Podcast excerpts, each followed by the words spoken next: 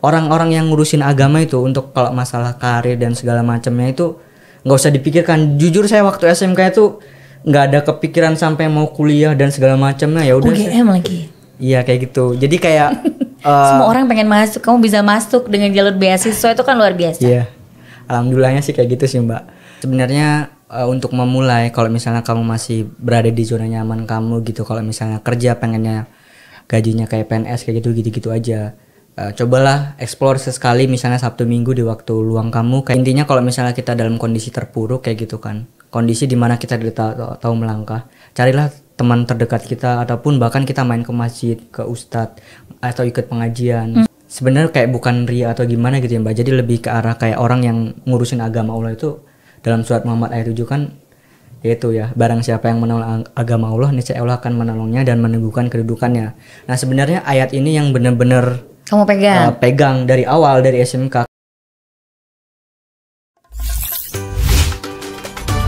Assalamualaikum warahmatullahi wabarakatuh Teman-temannya Vertizon TV Podcast Apa kabar? Sehat? Mudah-mudahan sehat semuanya Dan sekarang kita mau ngobrol lagi? Aduh, apa aja sih yang bisa kita obrolin di Vertizon TV Podcast? Banyak, banyak hal yang bisa kita obrolin. Dan mudah-mudahan jadi inspirasinya teman-teman nih gitu. Kalau kita kemarin udah punya banyak tamu yang bisa diajakin ngobrol di kulik-kulik Saya pasti punya tamu lagi. Dan sekarang barengan sama Ella Arlika yang temenin teman-teman semuanya, teman-teman Vertizon TV Podcast gitu ya. Eh Ikhwan dan Akhwat, dia yang lagi dengerin, lagi nonton, alhamdulillah duduk di situ yang manis gitu ya. Kalau emang kamu nggak bisa nyambi lihat muka saya yang cakep ini gitu, ya udah dengerin aja pakai headset gitu. Nah hari ini kita punya tamu, tamunya em, anak muda gitu ya, seumuran saya, bohong, seumuran saya dan inspiratif sekali gitu karena em, anak muda dengan usianya yang baru 24 tahun itu struggle banget sih dan juga kreatif untuk cari peluang di banyak hal di banyak eh, eh, apa namanya banyak karya gitu yang dia coba untuk lakukan. Dan kita ngobrol dulu deh sama seorang pria yang punya followers di Instagram banyak banget. Boleh nggak itu pindah saya ke saya dikit gitu? Oh sebenarnya nggak banyak sih.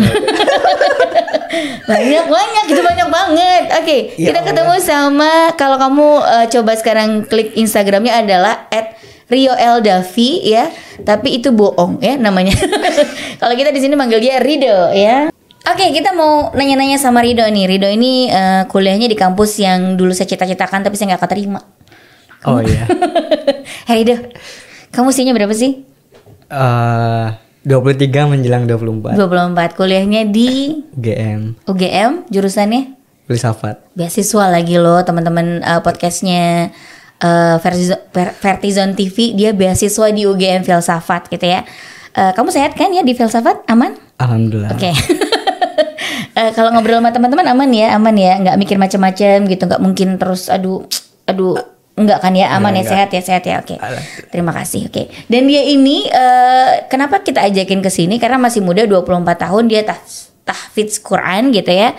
Terus sama dia eh, punya usaha digital marketing dan juga filmmaker gitu. Nah banyak ya filsafat tapi kampusnya. Nggak nyambung. Ini gimana sih kok bisa gitu gitu? Kalau bisa di digital marketing mungkin belajarnya di ekonomi gitu. Mungkinnya biar sekalian praktek gitu ya. Filsafat. Terus filmmaker juga. Terus tafid Quran. Ada tolong dijelasin sedikit gitu mungkin. Oke. Eh, masuk ke kegiatan gitu ya, Mbak. kegiatan-kegiatanmu ini yang nggak nyambung antara filsafat dengan digital marketing dan filmmaker itu. Atau- itu kenapa bisa kamu lakukan semuanya itu? Biar apa? Hmm? Alasan dulu mungkin kira-kira kayak masuk filsafat tuh kayak iya iya gimana boleh gitu, boleh. Kenapa kamu masuk filsafat coba Hmm, dulu itu kan waktu SMK. Kebetulan kan saya SMK nih, Mbak. Mm-hmm. Eh, SMK terus SMK komputer jaringan, teknik komputer jaringan tuh SMK-nya kok bisa masuk sih? Oh, filsafat jauh kayak lagi ya kan? Jauh lagi Iya, kayak bagus. gitu kan. Mm, kamu maunya apa? Nah, sebenarnya udah ada basic kayak dari kecil gitu kayak suka main kompu eh, main game lah. Mm-hmm. Terus kenapa mak- makanya dari setelah MTS kok malah masuknya SMK komputer Mm-hmm. jaringan? Karena emang suka aja teknologi kayak gitu. Terus kok bisa nih dari eh, komputer jaringan masuk ke filsafat nah itu, gitu. kamu maunya apa ini sebenarnya hidupmu ini? Hmm? Hmm? Nah, itu juga. Kenapa nyambungnya ke filsafat itu gimana coba? Filosofinya apa? Jadi gini mbak, eh, ceritanya itu kan waktu SMK saya kepengenan emang nggak ada kayak pengen lulus SMK itu kayak pengen langsung kerja itu nggak ada. Nah saya kepengen karena waktu itu sempet beberapa kali itu kayak terinspirasi dari kak kelas gitu. Kak kelas kok bisa kuliah juga dari SMK. Nah saya pengen juga tuh akhirnya nyoba. Tapi sebenarnya eh, untuk di jurusan filsafat itu sebenarnya pilihan kedua mbak. Yang pertama adalah Pilihan ke pertamanya itu adalah sosial politik, sipol UGM kayak gitu tetap kan. ya, nggak terlalu nyambung juga. Nah itu. Nah sebenarnya kan karena waktu SMK saya ikut banyak organisasi kayak suka juga gitu dengan dunia politik. Katanya tadi organisasi yang kamu ikuti banyak banget. ya sebenarnya ada waktu SMK itu pernah ikut 12 organisasi kayak gitu Wow, kan. Apa aja?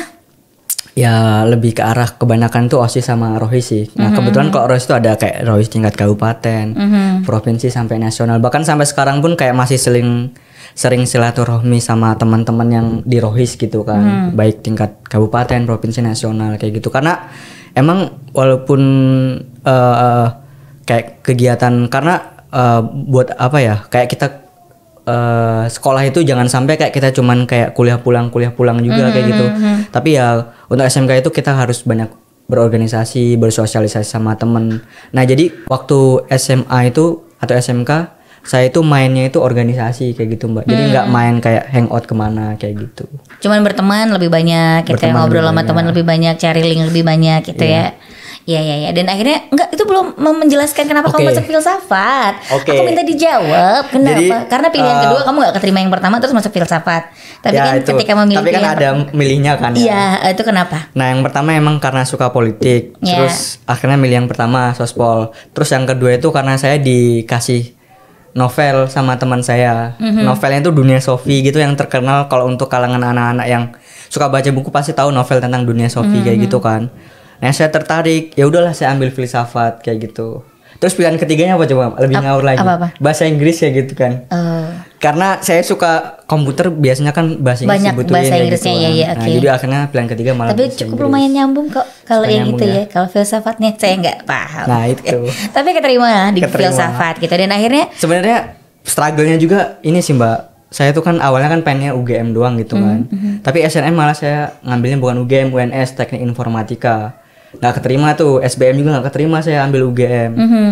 Ya udah akhirnya malah yang keterima itu di ujian mandiri UGM-nya. Hmm, Baru keterima pilihan kedua filsafat. beasiswanya Dari Beasiswanya awal apa? Dari semester awal sih kayak gitu.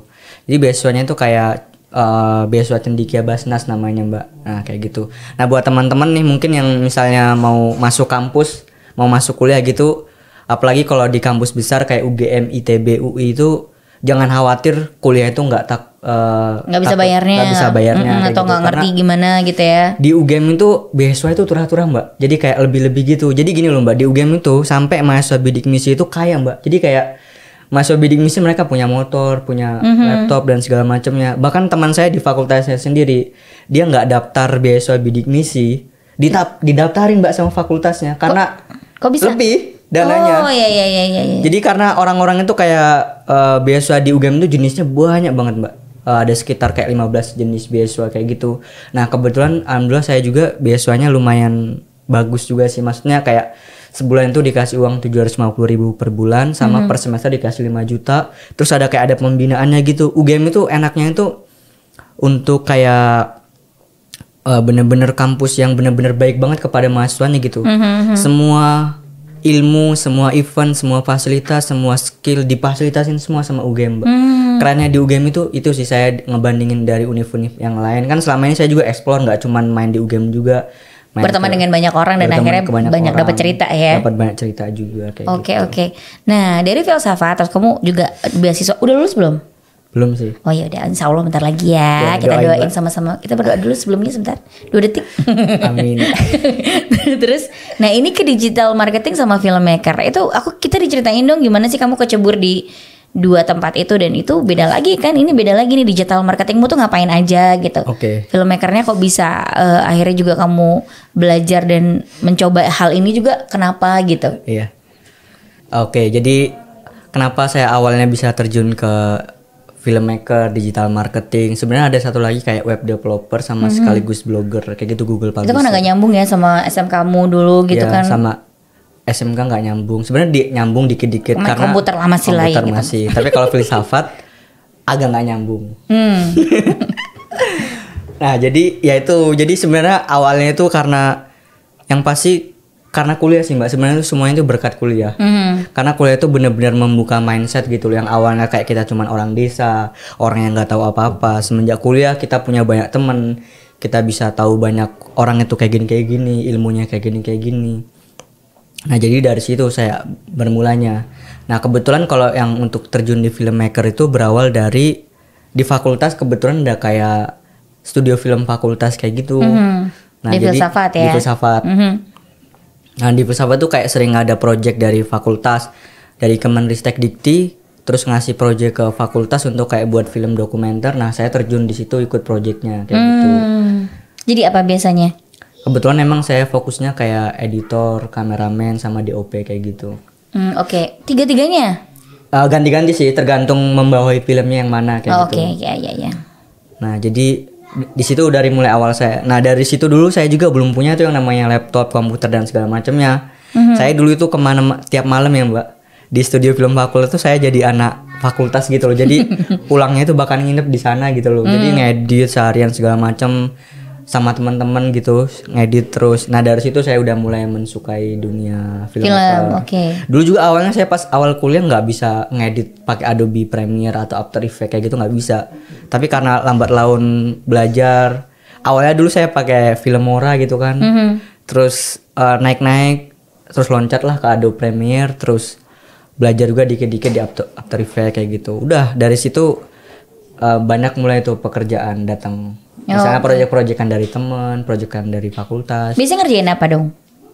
video, edit video kayak gitulah. Misalnya iklan kah, iklan produk Oh. atau bikin film pendek kan macam-macam Kebanyakan ya. itu kayak company profile gitu sih. Company profile. Oh iya iya. Iya iya. Oke oke. Terus kalau untuk yang digital marketing, nah ini sebenarnya juga sama. Hmm. Ini lagi, kamu gimana sih ngerjain semuanya dalam satu waktu itu kan maksudnya butuh effort banget ya atau siap mana yang paling belakangan? Filmmaker atau digital marketing? Awalnya filmmaker. Filmmaker dulu, baru ke digital marketing yang sekarang kamu lagi tekuni ya. Karena kalau dikerjain dua-duanya susah dong. Kayak tadi Iya. kamu bilang kamu ngabisin waktu di studio Iya. eh, buat ngedit dan lain-lainnya gitu. Iya. Itu kan it takes time ya buat Iya. mempelajari itu semuanya. Iya. Sedangkan digital marketing juga punya konsentrasi sendiri, sendiri. gitu. Oke, berarti oke kamu menganggap filmmakermu kamu udah paham dan udah udah agak mm, khatam gitu ya. Iya. Belum khatam banget ya kalau masih bisa bisa dikembangin masih ya. noob lah, Iya iya iya, tapi kan lumayan lah ya gitu. Iya. Terus akhirnya pindah ke digital marketing nih. Sebenarnya nggak pindah sih. Sebenarnya kayak filmmaker Mencoba. sama digital marketing itu satu Iya, iya, tubuh iya. juga sih. Nah karena digital marketing itu ceritanya gini mbak. Kebetulan karena ada teman lagi mbak. Jadi kayak gini. Sebenarnya semua itu berawal dari kuliah. Semua itu kayak berkat jasa teman, berkat jasa kampus, berkat jasa relasi.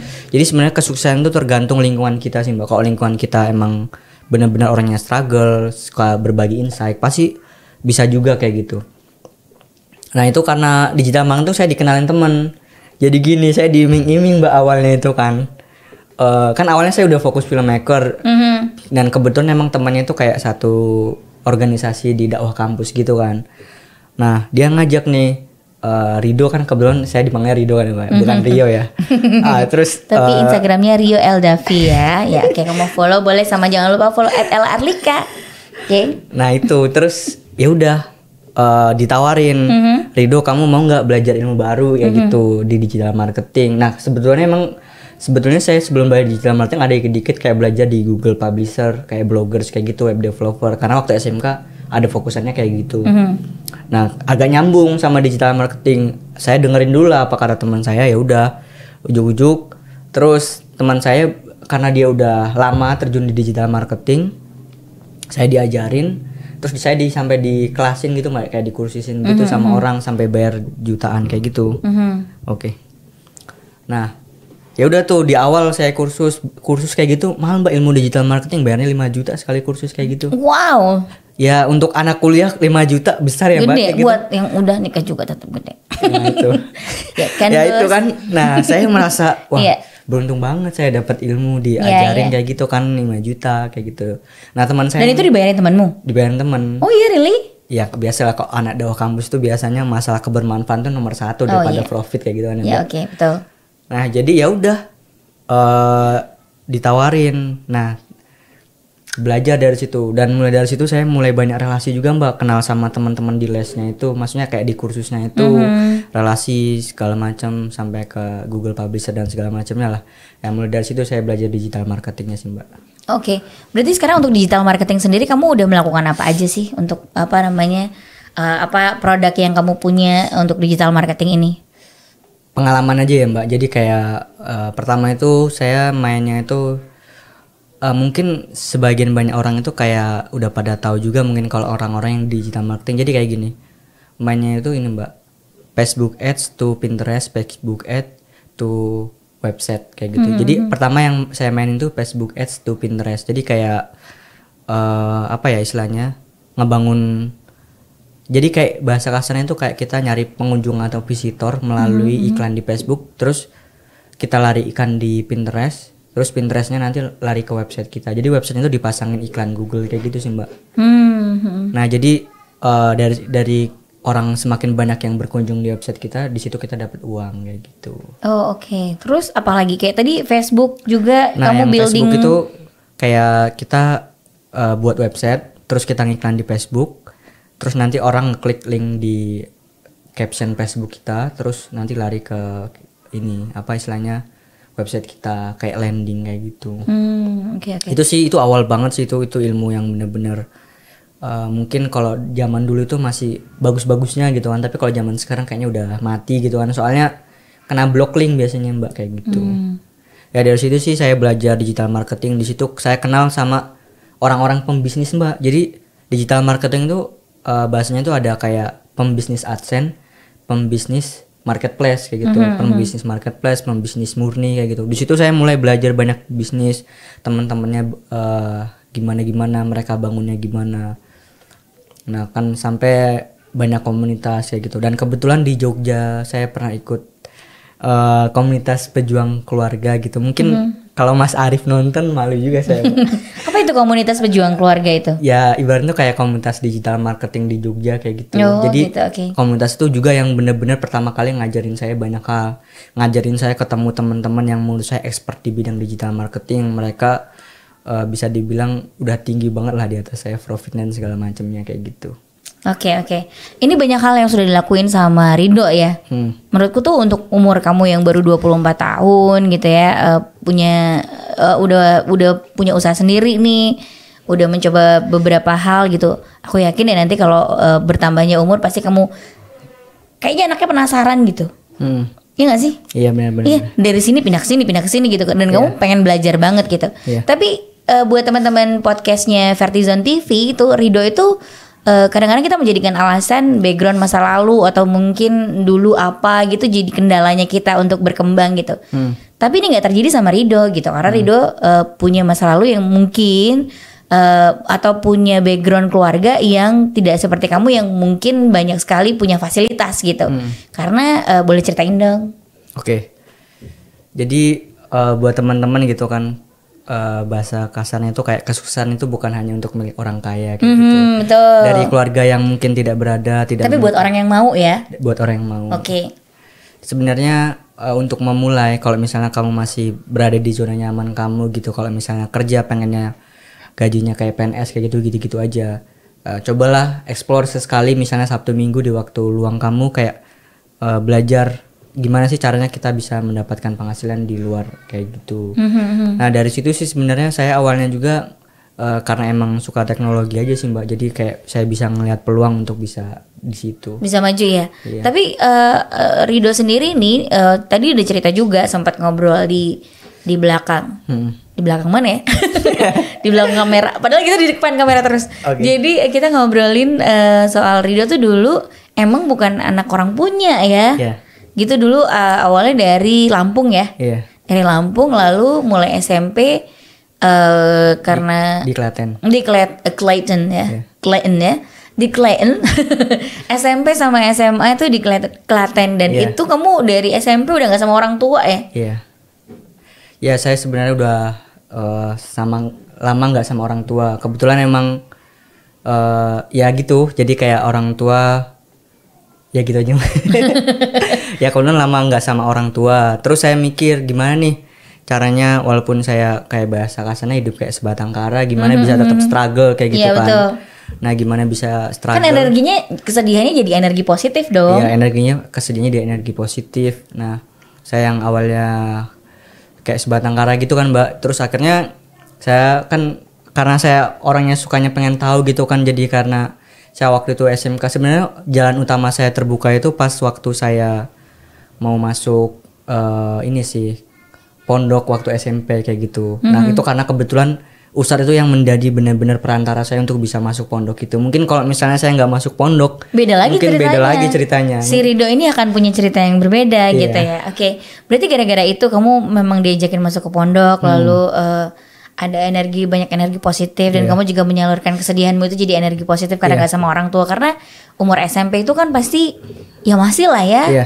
masih lah itu masih butuh eh, sosok ayah dan ibu gitu Hmm. ya. Jadi eh, tapi Rido enggak Hmm. gitu dari SMP sampai SMA akhirnya mencoba untuk uh, struggle sendiri, sendiri. gitu. Oke oke. Nah, kita diceritain em, apa namanya? Gimana sih kamu me- me- menentukan akhirnya ketika kamu sendiri itu me- menyalurkan energi positif kamu itu kesedihan jadi energi positif itu gimana gitu dari dari SMP gitu. Kamu gimana nge-build tujuanmu ketika Hmm. itu mulai kelihatan jelas tujuanmu tuh di SMP atau SMA gitu. Kalau SMP belum bisa lah kayaknya ya, Mbak. Masih Hmm. pikirannya itu pikiran main, pikiran explore lah. Tapi kalau SMA udah mulai. Tapi sebenarnya gini, eh, intinya kalau misalnya kita dalam kondisi terpuruk kayak gitu kan, kondisi di mana kita tidak tahu- tahu melangkah, carilah teman terdekat kita ataupun bahkan kita main ke masjid, ke ustadz atau ikut pengajian. Nah, kita- Kenapa? karena eh, ketika kita sendirian tuh berarti kita bakal banyak diombang-ambing dengan berbagai macam keraguan, bahkan akhirnya stres dan nggak nggak ngelakuin apa-apa. Bahkan saya pun nggak kepikiran bisa saya nggak ada kepikiran waktu SMP itu mau pondok kayak gitu kan karena saya bukan dari latar belakang keluarga yang religius kayak gitu kan. Nah, jadi ya itu karena emang kebetulan saya eh, sering main ke masjid aja sih itu kenal ustadznya itu jadi ya akhirnya ditawarin. Nah, saya juga kenapa ng- nggak kenapa nggak mau ya karena profit juga buat saya kayak gitu.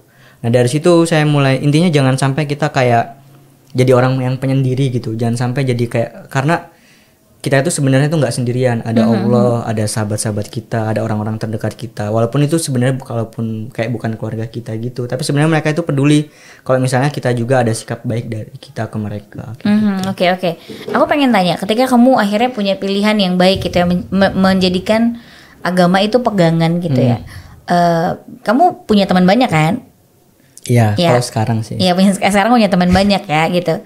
Oke, kamu punya jalan yang seperti sekarang. Hmm. Kamu pernah nggak sih melakukan perbandingan gitu antara anak-anak yang punya hidup yang baik, energi positif, eh, energi kesedihan dan dijadiin negatif gitu, atau banyak hal lain yang dia lakukan dan tidak ke agama itu kamu punya perbandingan nggak? oh banyak mbak banyak Ceritain dong, ini yang paling seru karena kamu kan pilihannya ke agama nih. Iya. Walaupun kamu juga bisa ngembangin diri ke banyak hal gini ya. Iya. Tapi kamu punya basic itu gitu. Perjalanan yang yang manis gitu. Hmm. Dibandingin sama teman-teman kamu yang mungkin dari awal nggak ambil jalan yang baik itu Hmm. gimana tuh perbandingannya? eh perbandingan banyak banget ya mbak. Jadi kayak mulai dari teman saya SMP jadi orang itu udah kelihatan banget mbak kalau ini sebenarnya bukan kayak kita membanding bandingkan tapi lebih ke arah kita mau memilih jalan yang mana Ya, kita gitu. mempelajari aja kan mempelajari aja ya gitu kan ya. Jadi eh, saya punya teman mbak. Dia itu ranking satu terus. Dari dari ini kalau langs yang di SMK ya. Jadi dia ranking satu terus sampai ini tapi kekurangannya dia dia penyendiri mbak. Penyendiri itu dalam artian dia nggak ikut organisasi nggak Hmm. Nggak temenan, pintarnya pintar buat sendiri-sendiri gitu Pintar ya, buat oke. sendiri-sendiri aja. Tapi waktu di SMK sih kalau di kelas sih dia masih kayak eh, asik gitu juga kan. Tapi kalau untuk di luar kampusnya itu eh di luar sekolahnya itu dia yang ini. Nah jadi ya itu jalannya eh, karena perbandingannya itu dia eh, lulus lulus SMK dia malah langsung kerja kayak gitu Mhm, dan skill S ke kuliah eh skill SMK-nya juga malah nggak dipakai itu yang perbandingan pertama kalau untuk cuman sekedar pintar doang Mhm, mhm, mhm. Terus yang kedua itu ini masalah orang yang terjun ngurusin agama. Kan kebetulan karena waktu SMK itu eh sebenarnya kayak bukan ria atau gimana gitu ya Mbak. Jadi lebih ke arah kayak orang yang ngurusin agama Allah itu dalam surat Muhammad ayat 7 kan yaitu ya barang siapa yang menolong ag- agama Allah niscaya Allah akan menolongnya dan meneguhkan kedudukannya. Nah sebenarnya ayat ini yang benar-benar Kamu pegang. uh, pegang dari awal dari SMK karena ada kak kelas yang ngajarin kayak gitu kan mbak. Nah jadi ya udah saya pasrah aja gitu kan. Saya tuh gini mbak. Orang-orang yang ngurusin agama itu untuk kalau masalah karir dan segala macamnya itu nggak usah dipikirkan. Jujur saya waktu SMK itu nggak ada kepikiran sampai mau kuliah dan segala macamnya. Ya udah saya- UGM lagi. iya kayak gitu. Jadi kayak uh, Semua orang pengen masuk, kamu bisa masuk dengan jalur beasiswa itu kan luar biasa. Iya. Alhamdulillahnya sih kayak gitu sih, Mbak. Nah, jadi ya itu. Jadi kayak kayak orang-orang anak muda waktu SMK mereka hobinya kayak hangout, bahkan sampai kayak pacaran kayak gitu. Saya ikut organisasi walaupun ikut OSIS, ROHIS juga kayak gitu. Jadi kayak jadi teman-teman kalau misalnya kita dalam menjalani hidup ini kalau misalnya kita bingung meng- mengarah ke mana coba kita pelajarin dulu da- dari berbagai macam orang kayak gitu nah kebetulan saya sendiri emang saya juga suka ngeriset orang-orang kayak gitu mbak. Jadi kayak orang ini kalau geraknya gini kayak gimana orang ini kayak geraknya kayak gini gimana. Tapi sejauh pengalaman saya orang yang ngurusin waktu SMK ngurusin remaja masjid waktu SMA ngurusin organisasi sekolah rohis rohani Islam kayak gitu. Sukses semua mbak. Saya punya teman salah satunya teman saya yang menurut saya inspiratif juga ya.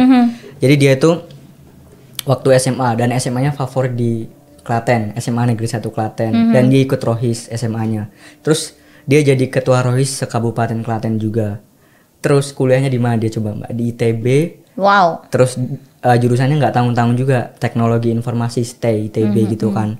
Nah dan itu kayak ngerasa itu dipermudah semua. Dan itu dia tuh jalurnya SNMPTN mbak. Hmm. jalur undangan. Jadi tanpa tes kayak gitu nah itu sih yang saya jadi panutan dia, dia tuh kayak walaupun adik kelas saya tapi dia tuh panutan banget mbak soalnya kayak hidupnya itu ngurusin organisasi terus Eh, Organisasi dan itu keagamaan agama pula intinya gitu itu organisasi ya. itu Jadi nggak perlu employee of Allah itu pasti punya banyak privilege lah Iya. gitu ya, gitu ya. sebenarnya nggak harus kayak harus kita ikut rohani Islam juga lebih ke arah kayak kita peduli ke masyarakat sosial kebermanfaatan itu efeknya itu luar biasa walaupun secara logika itu kayak nggak masuk kayak gitu loh Hmm, oke oke.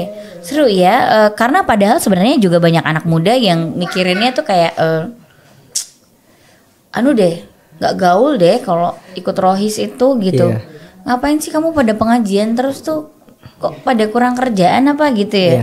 Bu ngapain? Kayak masih muda masih bisa eh, melakukan banyak hal gitu. Kenapa harus ngaji ngaji ngaji gitu? Nanti aja besok besok aja gitu.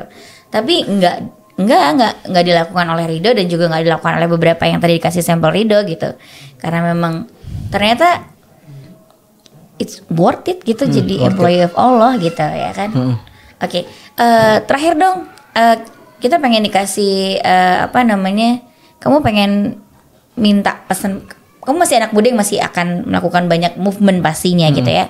Eh, mudah-mudahan movementnya makin positif dan punya banyak eh, eh, apa namanya insight yang akhirnya bisa menginspirasi banyak orang. Nanti bisa diajakin lagi Mas Andi untuk datang ke sini diajakin ngobrol gitu.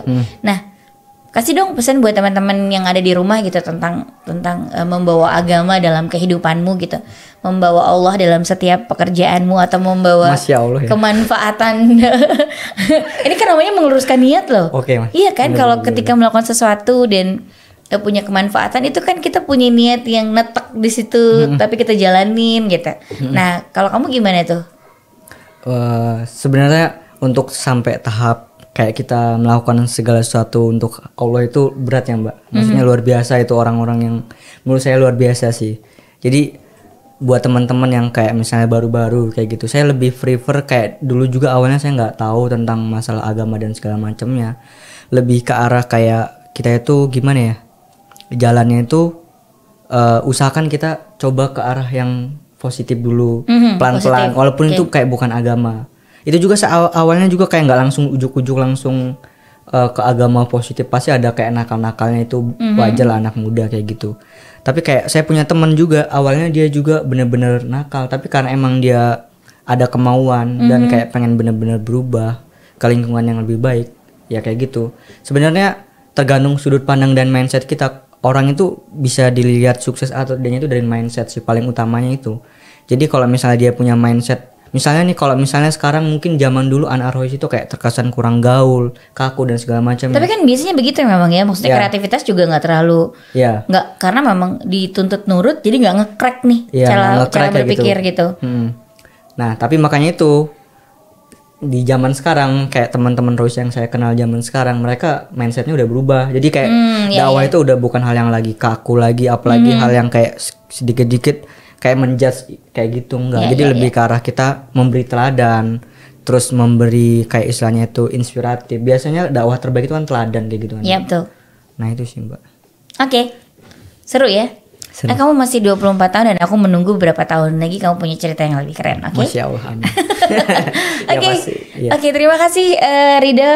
Ya kalau mau follow at Rio Eldavi ya followernya 18,1 k. Aku sebel banget, banyak banget ini followernya. Oke, Eh, boleh ditambah ke tempat saya pindah setengah?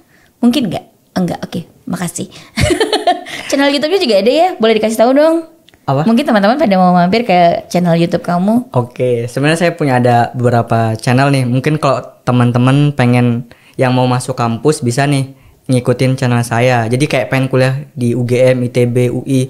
Nah, saya beberapa kali mau wawancarain anak-anak kampus gitu kan yang kuliah di UGM, ITB, UI.